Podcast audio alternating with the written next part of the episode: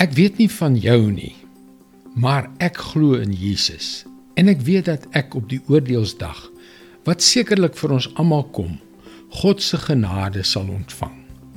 Maar hier is 'n skrikwekkende gedagte. Wat sal ek doen as dit nie so is nie? Wat sal jy doen? Hallo, ek is Jockey Gouchee vir Bernie Diamond en welkom weer by Vars. Die genade van God maak nie sin totdat ons die toorn van God begryp nie. Wanneer die een of ander misdadiger op grond van sy oortreding skuldig bevind word, verwag ons dat die regter geen genade sal betoon in sy vonnisoplegging nie. Of hoe?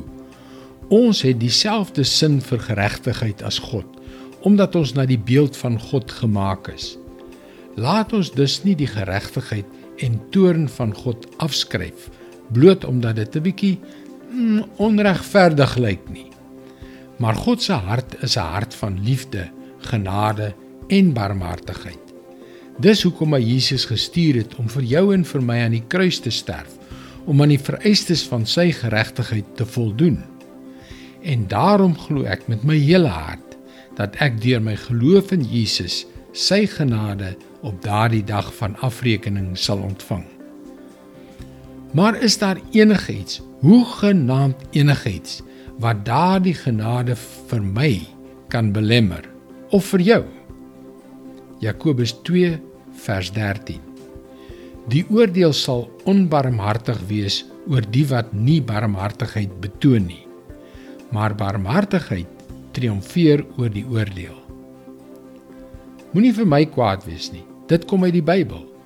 Dis die boodskap van die gelykenis wat Jesus vertel het van die amptenaar van wie 'n groot bedrag skuld deur sy koning afgeskryf is maar wat toe daarop aangedring het dat 'n mede-amptenaar wat 'n baie baie kleiner bedrag aan hom skuld, dit moet terugbetaal.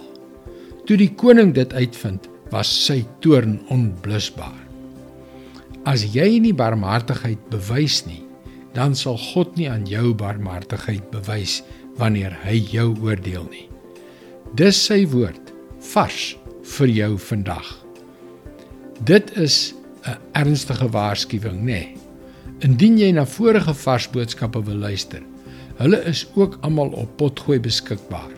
Soek vir Vars vandag op Google of op 'n Potgooi platform so Spotify.